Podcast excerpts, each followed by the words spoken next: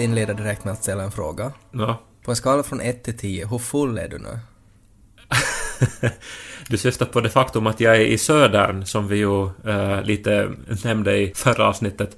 Och eh, faktiskt har jag nog eh, druckit champagne till frukost, men jag känner mig i övrigt ganska klar i huvudet. Och eh, Har klockan ni är... druckit champagne till varje frukost? Ja, varje frukost har vi, har, vi, har vi haft bröd som är bakat i vårt lokala bageri, eh, färska frukter från denna ö och eh, champagne. Och eh, det har varit, det har varit fantastiskt. Och allting inramat av ett ljud som jag spelade in faktiskt, för att jag tänkte att jag kan spela upp det för dig så du får den här känslan för hur det låter när Okej. vi dricker champagne. Okej. Se, så här.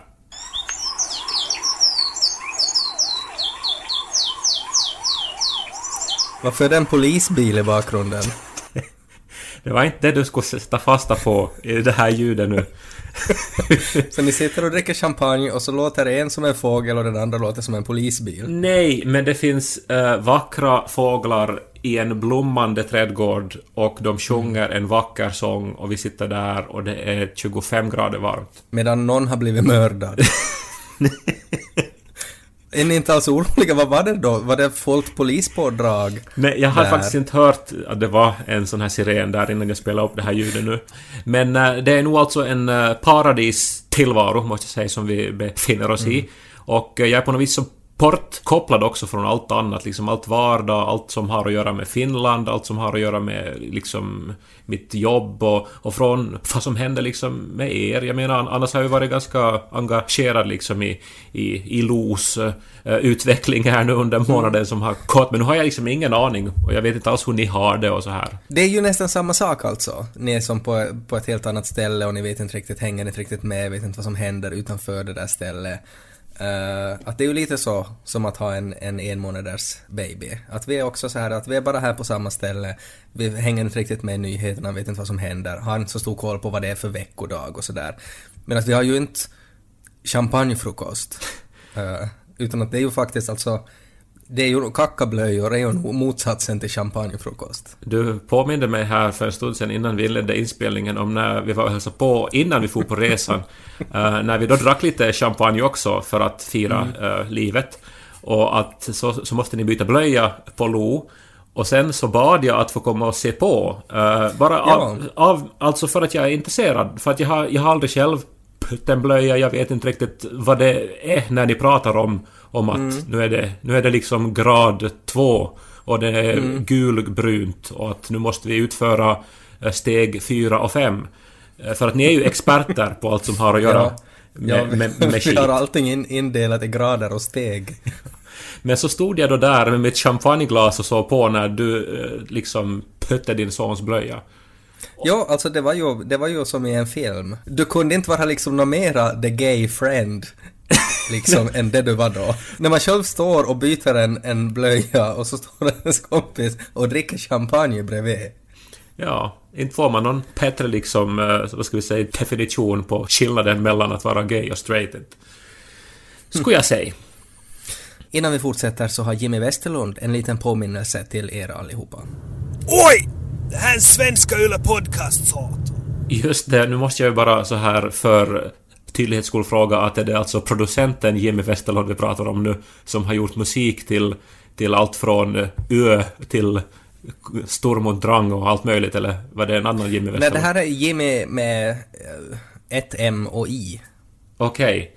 Så han har spelat in det här och eh, det här påminner oss om att det här är en Svenska Yle Podcast och om du också vill påminna lyssnarna om att det här är en Svenska Yle Podcast så gör då som Jimmy och spela in dig själv när du säger det och skicka till ted och kai.yle.fi. Ennesi puuen purmu puutuossa botling Sultala sitso popna popkun Så börjar popnödena popkun Så börjar vi lys på Ted och Kai Har du Ted varit på Kanarieöarna? Aldrig någonsin. Har du velat fara till Kanarieöarna? Ja, jag skulle hellre få till Hawaii. Ja, men det skulle ju nog jag också faktiskt, men att...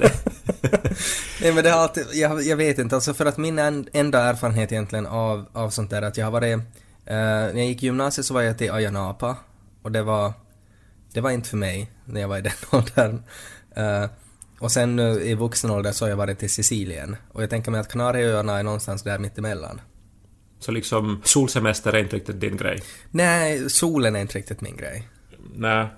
Ja, men att ändå, alltså jag tycker att Kanarieöarna har ju på något vis varit eh, som ett utökat Finland på något sätt, dit eh, en del har haft förmånen att kunna fara. Och det här tyckte jag var kanske extra tydligt då när man var barn eh, i början av 90-talet och man gick i, i skolan och sen var det alltid då någon på klassen som hade åkt till Teneriffa och sen berättade de om hur det var och så hade de med sig pilder och kanske någon snäcka. Jag hade en grej för snäckor. Jag tyckte det var häftigt att man kunde hitta snäckor på stranden. Okej. Eh, Men att... eh, Ja, alltså Kanarieöarna på något vis var som för mig som barn den här, den här, det här ultimata, det här, det här mytiska stället där det fanns azurblå vatten och palmer och, och, och allt sånt. Och det skulle dröja ända tills jag då var vuxen då innan jag hade möjlighet att fara hit. Och, eh, och nu är ju här, alltså här är ju varmt och här är liksom hemskt fina klippor och, och här är en jättestor och fin strand och, liksom... Är det några snäckor där då? Här finns snäckor och, och, och det här... eh, Och överlag är det precis som jag fantiserar mig nog. Men förstås som vuxen så är man ju inte lika så här trollbunden som jag antar att man skulle ha varit när man var barn och varit här. Men jag hade ju ingen aning om att det var så finskt som det är. Alltså, jag har ju vetat att hit far en massa finländare och skandinaver. Men det faktiskt det är chockerande det här, alltså hur alla menyer är på finska. Hur de pratar finska i restaurangerna. Hur här finns eh, liksom restauranger som drivs av finländare och som har finsk mat. Hur det finns finskt öl i affärerna och Iltalehti får man liksom dagens nummer köpa liksom i affären. Och det, det är ju alldeles otroligt hur mycket vi liksom i Finland har kunnat göra det här stället liksom till en del av oss. Men är det, alltså, jag tycker att det är lite tråkigt det. För att det är Ja, för att alltså man vill ju det- bort från Finland när man får någonstans.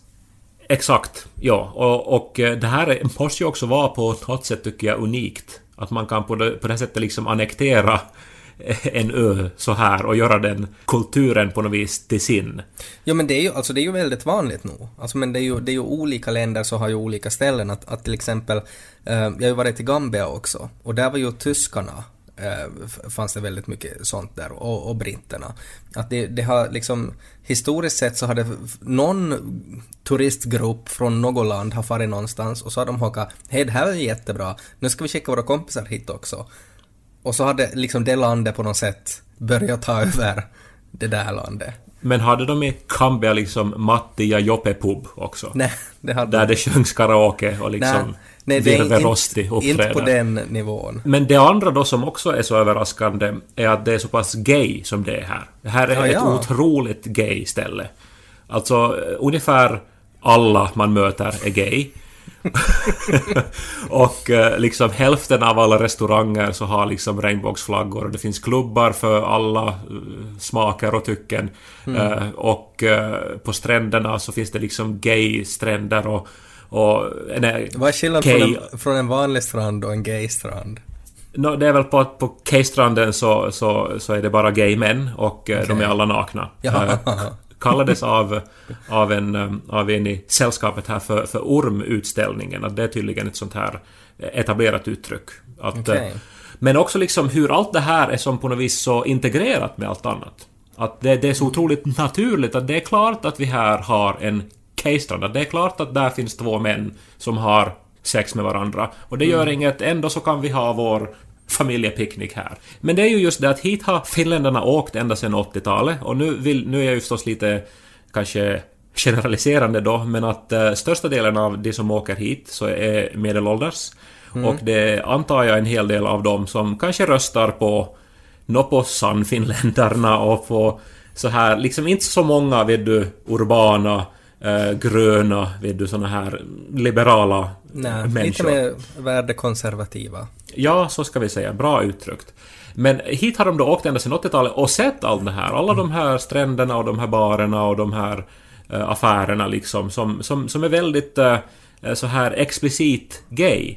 Eh, och ändå har de inte på något vis anammat den delen av det här också, att det är väldigt fungerande och avslappnat och naturligt. Men Men det är ju på något sätt då för att det är skillnaden att det är där och det är inte Finland. Att om det skulle börja vara ormutställning då i Finland, så då skulle de ju bli till sig. Men att när det är på semesterorten så kan man bara att ja, ja, oj de där spanjorerna. Ja, men har de inte ändå liksom vant sig? För att, för att liksom det som, som motsatsen till allt det här som man sen läser på såna här eh, Ja, men det- det- värdekonservativa bloggar då där det är liksom att det här är nog så liksom obegripligt äckligt och Men att det är, sånt här inte, ska det är inte hotande. Det är inte hotande, för att det är där, det är långt bort. Det är inte här, nära oss. Så då, då är det inte ett hot. Eller var det så att Päivi Räsänen var här på 80-talet med sin familj och så skulle de gå i en bastu och så hamnade de i en gaybastu och sen blev hon kristdemokrat och for tillbaks till Finland. Läste du Ted den här nyheten om att eh, de 62 rikaste människorna i världen så äger nu mer än hälften av världens befolkning äger sammanlagt. Jo, jag, Alltså den fattigaste hälften av världens befolkning Okej, äger sammanlagt. ja. Ehm, jag tror att kanske 30 av de där människorna som bor i mitt, mitt hus, mitt höghus här i Helsingfors. Ja, de, de har liksom Nej, men det- Ming-vasar utanför dörren. När man tittar på den här kartan, på våningskartan, och så är det bara ett efternamn på en hel våning. Då är, då, Ja. då är man en sån. Möjligen. Vi var på en utflykt till en sån här hamnstad här i närheten Mhm. och där gick vi då omkring och såg på, på segelbåtarna som var förtöjda. Och sen var också de här riktigt enorma lyxjakterna eh, var väldigt eh, synliga där då. Mm. Eh, förstås hade de de finaste platserna i hamnen. Och det var såna här, såna här helt enormt stora båtar, såna här absurda farkoster liksom med kanske fem våningar och vet du pool och sen liksom att man som såg alltså att där är också en massa personal som jobbar där. Ja. För det måste ju en sån stor båt förstås ha, alltså en besättning. Alltså en annan nivå av att ha semester det är när man anställer tio människor att ta hand om en när man är på semester. Det, det är liksom kanske det tydligaste uttrycket för att nu har man otroligt mycket pengar. Och sen all- allt så här att vad det kostar i drift att ha en sån där lyxjakt. Eh, Ja men säkert, alltså den drar väl liksom 100 liter per sjömil eller någonting. Alltså bränsle bara. Och sen förstås måste man ju ha de här hamnplatserna också. Den tog ju upp vid halva hamnen. Och, och så då när man då, efter att ha sett en sån båt, ser då sen en tiggare som ligger någonstans i, i, i något hörn och inte har någonting alls. Då blir ju liksom den här vetskapen om de här stora inkomstskillnaderna som vi har i världen eh, väldigt konkret, alltså på ett, som ett slag i ansiktet blir det ju. Ja, jag, jag har alltid tyckt att det är intressant på något sätt att, att om man tänker sådär att vi människor ändå bara är avancerade djur. Att den, vi är liksom det enda djuret där det är de här skillnaderna. Att det är inte sådär att, att när man ser på eh, något naturprogram på TV så är det inte liksom att ja den här geparden, han bor så här fint. Han har ett eget träd. Och han har en massa döda kaniner som han eh, bara behöver ta färdigt åt sig varje morgon. Men den här geparden, han är fattig. Han har ingen mat. Han bor inte i ett träd. Och sådär. Så att det är liksom jämställt bland djuren, men det är ju inte för oss människor. Ja, eller det är ju det att de som är sämst lottade bland djuren, så de dör ju. Och det är ju, det är ju så na- naturen Jag vill funkar. inte tänka på döda djur Kai. Medan vi människor då förstås har inrättat system av liksom att vi tar hand om de svagare. Men i alla fall, eh, det blev i alla fall väldigt tydligt för mig det här, hur, hur pass ojämställt det är. Men sen så formulerade jag senare en annan tanke eh, som utgick från det här att pengar ju inte heller är allt här i världen. Eh, vi gick på stranden och eh, jag mötte en, eh, en människa, eller fick nu en liten skymt eh, så här. Eh, det var ju en, en, ett, en ström av människor som gick på stranden. Och utgående från den här lilla skymten så formulerar jag Vadå, det som vadå så... en liten skymt? Alltså var det här en person, kokade den fram bakom en gardin eller någonting? Men vet du, alltså att man går längs stranden och så går liksom hundra andra människor samtidigt och så finns det ett ögonblick när man passerar varandra och får Ja, en liten skymt okej. av en annan människa. Mm. Nåja, min teori är, och nu måste du försöka hänga med här då, eh, och jag vet inte, den är inte utvecklad, men jag tror att den är sann. Okej. Vilket ju är en god bas för, för, för all Det här är din hypotes all alltså? vetenskap. Det här är min hypotes. Att världens 62 vackraste människor så är snyggare än resten av världen tillsammans. Tror jag. Alltså de 62 snyggaste människorna på jorden är snyggare än resten av världen. Ja, men så tror jag att det är. Eh, alltså nu var det ju väldigt osant menar du men resten av världens snygghet ihop? Tillsammans, ja. Ja, för- Alltså största delen av alla människor är ju så här, så här Men helt om, vanliga. men om jorden, om hela jorden har redan röstat att de här är de 62 snyggaste, så då är de ju de 62 snyggaste och det finns ingen som är snyggare då. Men hur, hur adderar man snygghet då? Att om vi har liksom tre fula bebisar, är det som en snygg bebis? Nej, men jag menar bara att när någon är riktigt snygg, Mm. så det är liksom, alltså det på något vis sköljer över en och, och liksom att man blir, man blir helt liksom häpen och man blir lycklig och man blir arg och kåt och, och vilsen i sig själv och man måste liksom titta igen för att hjärnan på något vis tror inte att det här som man just såg är möjligt, att nu, nu måste den på något vis ha tolkat fel. Ja, Så här. Ja. Eh, Och, och, och, och så... Alltså det, det, det är som en misstro mot att det här kan existera. Mm. Och, och, och, och liksom... eh, De allra flesta människor är ju helt vanliga. Mm. Men så som mitt i allt är det då någon då som, som man reagerar så här på. Eh, Men sen är det ju väldigt osannolikt att den allra snyggaste att, att någon av de 62 snyggaste faktiskt råkar befinna sig här och att jag råkar träffa den. Mm. Så det måste ju betyda att det finns människor som är ännu snyggare.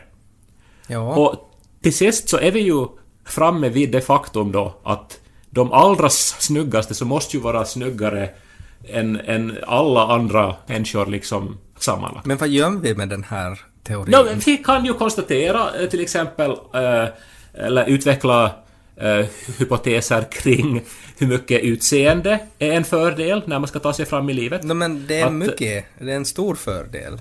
I alla. Ja. Alla. Det finns Kanske ingen situation där snygghet inte skulle vara en fördel. Den, den, den stora orättvisan här är ju att det är ju då någonting som är medfött, medan pengar är någonting som i och för sig i en del fall är ju ärvda och så här att man inte har så att säga förtjänat dem själv under sin levnadstid. Men ändå på något vis någonting som man teoretiskt sett kan få tag i om man inte har det.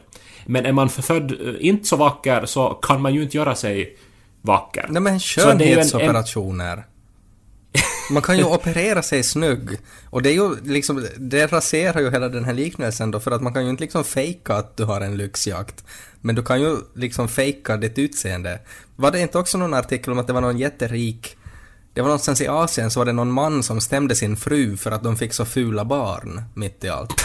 Och så visade det sig att hon var opererad.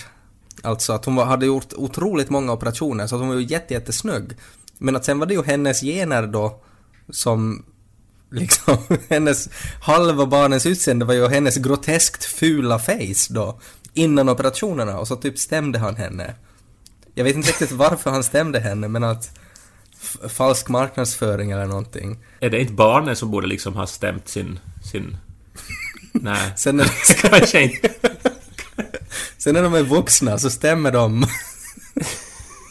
Tänk om Lone, som är en månad idag, tänk om han kommer att stämma sin pappa för att han är så ful. Asshole på en ny nivå. Men det som jag menar var att vem som helst kan ju operera sitt face då för att bli en av de här 62 snyggaste. Ja, men det är nog någonting annat, för att sen så ur skiljer man ju nog oftast också att är det här nu någonting eh, som är åstadkommit... Ja, det ser ju- Som har åstadkommits genom kirurgi, eller är det här äkta vara här? Men du sa en jättesnygg kar på Kanarieöarna, det var egentligen det du ville säga. Ja. Och du sa honom bara en liten stund och så blev du arg och kåt för att du inte vet vem det är. Var det det som... Det, det var det som var liksom förarbetet till din hypotes? Är det sådär att vara forskare, tror du? Att man går på en strand och så ser man någonting och så blir man arg och kåt och så formulerar man, så tänker man, man blir så arg och så kåt att man sitter en hel liksom kväll och formulerar en hypotes kring det. Och så söker man stipendier. Jag ska doktorera på den här mannen ännu.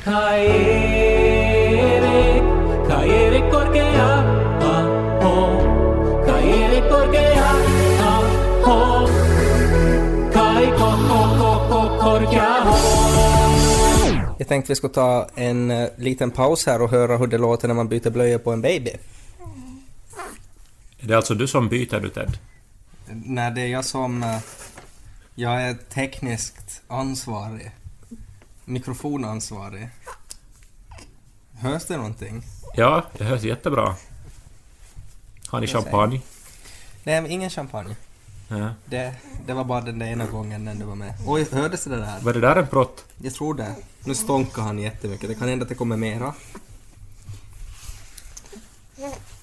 Det här ska jag spela upp på hans bröllop sen.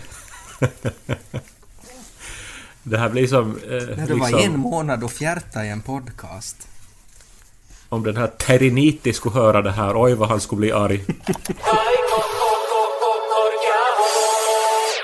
Du sa ju Kaj riktigt här i början av podden så sa du att, du, du inte, att vi inte har pratat, du har inte liksom hängt med vad som har hänt i våra liv eh, den senaste tiden. Nej, jag har varit lite frånvarande av förekommen anledning. Och jag kan berätta om en riktigt fittig händelse som hände för två dagar sedan. Oj. Jag skojade ju för en liten stund sedan om att eh, när du sa det här att de världens 62 rikaste människor så skojade jag då att kanske 30 av dem då bor i, i, i, den här, eh, i det här huset som jag bor i. För att det är då centralt Helsingfors och att vi hyr en lägenhet som vi aldrig ska ha råd att köpa.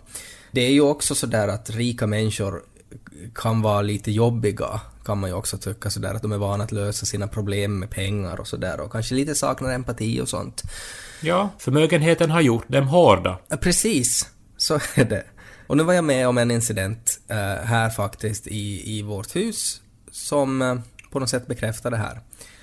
Vi har ju en barnvagn då åt vår baby och den här barnvagnen så har, eh, den är så här, man kan lyfta bort övre delen och så kan man vika ihop hjulen så att de blir väldigt så här ett litet behändigt paket, ganska exakt den här storleken eh, som skulle rymmas att ta med sig ombord ett flygplan.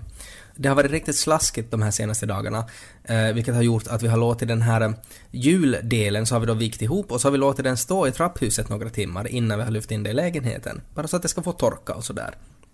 Och i förrgår, när vi skulle fara ut med Lo med barnvagnen, så var hjulen borta. Någon hade tagit dem. Oj. Eh, och det ju, eh, gör man ju inte. Och jag fick ju helt sådär panik, det här är en dyr vagn. Uh, hur kan någon stjäla liksom bara juldelen? Får jag tillbaka det på försäkringen? Nej, för det det är inte inne i lägenheten. Uh, har jag överhuvudtaget någon rätt att klaga på någon? Nej, för att man får inte ha vagnar i trapphus. Men jag tänkte då att okej, om någon har blivit riktigt störd på det här så har de kanske lyft det till innergården, så jag sprang till innergården, där var det ingen vagndel. Jag sprang till förrådet, ingen vagndel där heller. Och så tänkte jag sist att okej, men jag springer ut då, ut genom porten. Och någon hade ställt de här hjulen mitt på gatan. Alltså där trafiken kör? Alltså, ja, riktigt nä. där. På riktigt? Och sådär att, ve- att vem som helst ska kunna fara iväg med dem. Och det är nog alltså, man är nog en så hemsk människa, så total avsaknad av medmänsklighet att göra det där. Jag förstår att om man blir riktigt arg och riktigt sur på att se en barnvagns nedre del, men då kan man ju det normala är kanske att skriva en lapp att hej, man får inte ha barnvagn i trapphuset, ta bort det. Eller att om man faktiskt är så arg att man vill på något sätt markera att det här är inte okej, så att man vill lyfta bort det, så då lyfter man nog bort det då till innergården så inte vem som helst kan få iväg med den, eller sätter in det i förrådet. Men att någon är så djävulsk att de tar en nyfödd babys första vagn och tar de här hjulen och sätter dem mitt på gatan. Ja. Och jag har så funderat så länge vad, vad det är för människa som gör det här. Och jag tänker på något sätt att det kan inte vara en ung människa, för att jag tror inte att unga människor skulle inte liksom bry sig så där starkt. Utan att det här är på något sätt en så här eh, ingrodd fittighet som måste ha liksom hållit på i 40 år minst. Att det- man, är, man är liksom över 60, man, man bor, eh, äger två våningar i ett sånt här höghus. Eh, och på något sätt känner sig så totalt rätt i allt vad man gör. Eh, så att man har rätt att, att flytta bort en sån här grej och att markera det sådär tydligt att det här hör faktiskt inte hemma i det här huset. Och det är så, jag, jag vet inte hur jag ska få utlopp för den här ilskan för att jag känner mig så impotent för att jag kan ju inte, jag har inget case. Det är bara, jag kan bara på något sätt så här vädja till empati och att man gör inte så där. Men att jag vet ju att man får ju inte ha vagnar i trapphus. Ändå har det ofta varit vagnar just i vårt trapphus. Folk får besök och folk har med sig barn och lämnar barnvagnen lite överallt. Det är vanligt. Plus att jag förstår också att om man blockerar liksom nödutgångarna med barnvagnen så att eh, hela familjer brinner upp för att eh, brandmännen kan inte flytta på den här vagnen när de ska dit och spruta vatten. Då förstår jag. Men vi hade den i hörnet, det var inte förrän någonting. Man är bara en hemsk människa om man gör sådär. Jag vill rikta mitt hat på något sätt. Ja, nå, det bästa vore ju att skriva en lapp, eller alltså där du... Jo, jag har du, funderat, jag har tänkt att, jag tänkte att om jag skulle bara skriva med tusch så skulle jag skriva Mixi på väggen. Ja. Där den var. Ja, men det är liksom, tycker jag, en, alltså det mest rationella. Eller så är det förstås att du Men du- knackar på hos allihopa och, och liksom Jo, det försöker... har jag tänkt. eh, Det har jag övervägt att jag skulle knacka på, på precis varenda sten. Med en allvarlig min.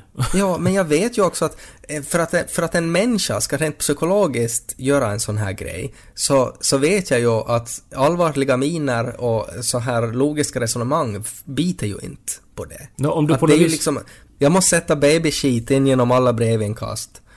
Ja. Men har de några några saker på innergården, typ några bilar som är dåligt parkerade eller några rollatorer eller någonting sånt som du kan liksom... Nej men då det är ju så svårt för att jag vet ju inte, jag vet ju inte vem det är. Att skulle jag ha någon aning om vem det är som har gjort det?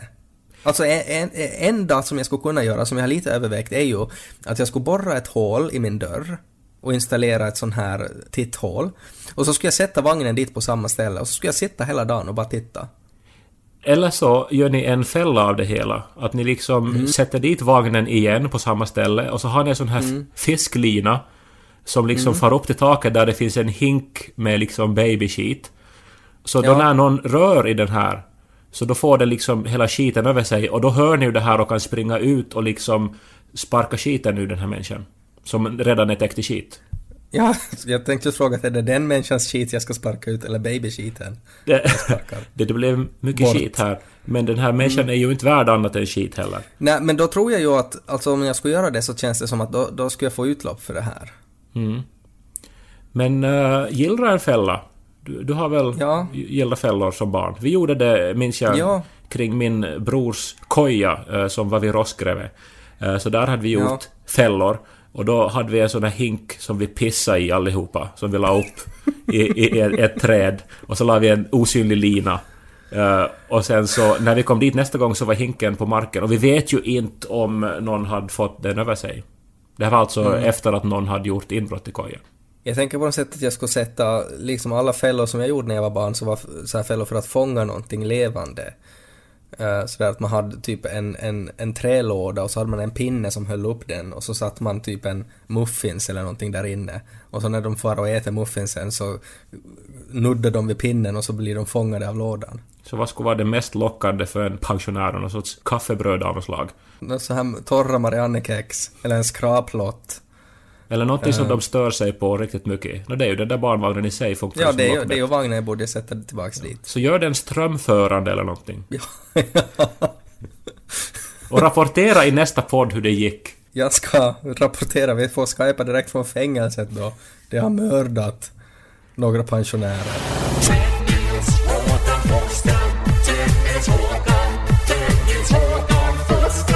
Jag önskar ibland att jag skulle vara en spanjor. Du har ju behåringen kan jag säga. Mm. de, de är ju alla så här Ted-håriga här.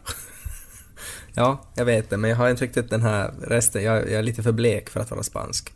Men, men framförallt det som jag saknar mest, som jag inte har, som, som jag skulle vilja ha, som jag förknippar med att vara spansk, så är ju att vara, ha den här passionerade ilskan och hatet som när som helst kan brusa upp. Och det är ju det jag önskar att jag skulle ha gjort alltså direkt efter den här vagnincidenten, att jag skulle ha blivit en... Att jag skulle ha blivit som den här matadoren i Ferdinand. När Ferdinand vägrar att stånga honom så blir han ju crazy. Han sliter sitt hår, han tar av sig kläderna och så Och står han låter så här.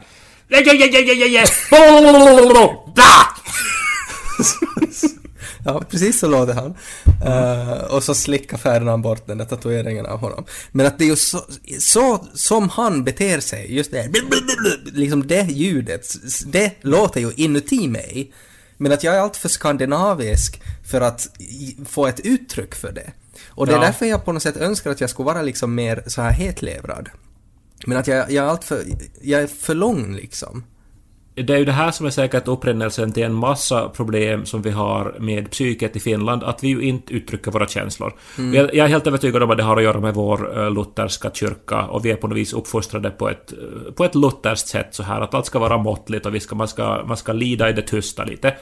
Eh, Medan spanjorerna är ju katoliker och eh, de är ju på något vis vana att, vet du, alltid, och, och som att om de har tänkt någonting ont om någon eller gjort någonting ont åt någon så ska man ju bekänna det för prästen och det, och det har gjort att det inte liksom mera är så tabu att Nej, och prata så, om sådana här och så saker. slipper man ju det. Liksom att Ja. man, kan, man kan göra vad som helst och sen kan man bara bekänna det och så är det liksom fine och så har man det inte liksom på sitt samvete då mer. Ja, eller alltså du borde kanske nu alltså ta ditt ansvar som, som far här och liksom försöka locka fram spanjoren i dig. Jag menar, du upplevde ju den här ilskan helt klart. Ja. Och, så det är bara på något vis att, att använda den som, eh, som motor. För att gå omkring, men- knacka på och hitta den här Nej men det, jag, jag kan inte. Kan man inte hyra en arg spanjor? Det skulle vara en jättebra tjänst det. Jag skulle så behöva det här nu. Att jag skulle få till angrymatador.com och så fyller jag i där i deras formulär så skriver jag vad problemet är. Att jag har gjort något, jag har begått ett misstag som någon rättade till och jag blev fittig. Nu skulle jag behöva ha en spansk man som skulle kunna förmedla det här på ett argt sätt åt alla i det här huset, för att jag vet ju inte vem det är. Och så skulle de komma dit, eh, och så skulle de göra det. Och så skulle den här människan bara gå omkring, knacka på och vara jättearg åt alla och låta blä när de öppnar dörren. Ja, men skulle du ändå bli kvitt din ilska då? För att du, då igen så har du låtit en, mellanhand på något vis eh, ta, alltså gö- göra det som du borde göra för att bli kvitt det. Jag tror... jag tror- enda sättet är att, alltså eventuellt så kan du klä ut dig till en matador. Du har en sån här läderjacka som är lite för kort, eh, med utsmyckningar. Och så har du Bollar på fötterna. Ja. Och så liksom knackar du på och du kan ha en cape också som du kan lite gömma ansiktet bakom. Dörr efter dörr ända tills du hittar människan. Och sen så innan du tar till våld så förklarar du situationen på ett eh, argt sätt och sen så lyssnar du till försvaret och eh, möjligtvis kan ni hitta då en fredlig Men då, det är ju lösning. just, det är ju det som, jag vill ju inte göra det, för jag vet ju att det inte funkar. Jag vet ju att den här människan är ju som en Saga Norén person, alltså att någon som, som bara ser på reglerna och saknar den här mänskliga empatin. Reglerna säger du får inte ha en barnvagn i trapphuset, så då får du inte ha en barnvagn i trapphuset. Och jag vet ju att det går inte att resonera med en sån person. Jag vill ju bara att den här matadoren ska fara dit och sticka värjan så fort han ser att titthålet blir mörkt genom dörren, liksom. Det är ju bara Nej, det det- jag vill. Jag vill ju bara att, att en spansk man ska skada den här Ja, gamla men- pensionären som har gjort Men det här. du blir inte kvitt din inre vrede. Det enda Nej, som hjälper men det- är att men du får blir se... Du får se den här gamla Saga Norén i ansiktet och säga till hen att eh, nu är det bara så här att du är en fitta. Och sen slänger du igen dörren. Det är enda sättet. You are a cunt. Om de inte förstår svenska. Jag knackar på och säger det sen igen. Ja, men det är enda sättet att bli kvitt den här vreden som du nu känner. Och den här rättmätiga vreden. Jag tror att 99% av alla som lyssnar på den här podden håller med om att du har rätt att vara arg. Ja, Och jag att det där var också. riktigt jävligt gjort. Jag tycker också. Ja. Men problemet är ju när jag inte vet, jag kan ju inte säga åt alla här i huset att de är Nej, du måste ju fittor. ta reda på vem det är förstås före, Ja, men- så du vet vem det var. Dörr efter dörr. I Matador-utstyrsel. Ja. Men jag registrerar angrematador.com färdigt åtminstone. Nå, trots eh, att det nu var eh, lite dåliga nyheter eller tråkiga nyheter så har det ändå varit trevligt att prata med dig Ted. Vi ska snart här, jag och Niko, bege oss ut eh, på stan och försöka hitta någonting att äta. Ska ni på ormutställning? Det blåser lite för mycket idag faktiskt för att vi ska bege oss ner dit. Att jag tror att till och med ormarna har, har gått i lä, tror jag. Men en sak som jag alltid gör eh, när, jag, är- när jag är på semester är att jag försöker äta saker som jag, som jag aldrig äter annars. Har det där Eh, också och att göra med ormutställning? Det här, när man går på restaurang och ser menyn, så då det här... eh, är det ju lätt hänt att man tar det som man, eh, som man känner igen. Medan jag alltid när jag är på semester tar det som jag inte känner igen. Eh, jag beställde häromdagen sjötunga. All, aldrig ätit sjötunga. Nej, inte jag heller. Och, och det är ju alltid när man har beställt så är det ju en, en stund nu av, av så här att man upplever en sån här skräck. Eh, som också kanske är en del av tjusningen med allt det här. Jo, om man Och sen- beställer och, och sen när liksom hovmästaren kommer in med en specialkniv, att alla andra får vanliga knivar. Sån här krokig sabel med två pinnar liksom. och, och sen tar det liksom jättelänge också, så man bara anar ju att det här är någonting nu då liksom som är väldigt komplicerat. Eh, Och liksom den här skräcken är ju att man ska få in någonting som har huvud kvar på sitt fat. Eh, Det, det, det är ju det allra hemskaste som kan hända. För hur ska man bete sig då? Ska man äta det där huvudet? Eller var ska man sluta äta? Det är alltid skrämmande. Ja. Men nu gick det helt bra det här nu måste jag säga. Jag fick in en, eh, någon sorts fisk som var panerad och var jättegod och, och det var en jättegod eh, måltid. Men det är alltid liksom... Eh, det är som äventyr och så är det rädsla och så är det skräck och lättnad. När vi får och äter här. När det kommer till risktagningar så är det en ganska liten risktagning. Sådär att det finns större problem man kan ha i livet än om man på sin semester på Kanarieöarna eventuellt beställer en måltid man inte är 100% nöjd med. Det är helt sant. Men eh, vi far ut på jakt efter, efter äventyr och eh, det här önskar er alla lyssnare en trevlig vecka. Roligt att ni lyssnar och att ni blir fler och fler hela tiden som lyssnar. Låt budskapet gå om Tedokai-podden eh, som vi så gärna gör, eh, både för er skull och för vår skull också. Att vi får en orsak att, att, att prata med varandra, jag och Ted. Till och med när Kaj är på semester. Jag tror att vi avslutar med eh, ljudet av den här eh, fågelsången från min frukost så att ni eh, alla säkert minns att eh, det är på väg en sommar även om det är slaskigt och hemskt just nu där i Finland. Bara sirenerna ja.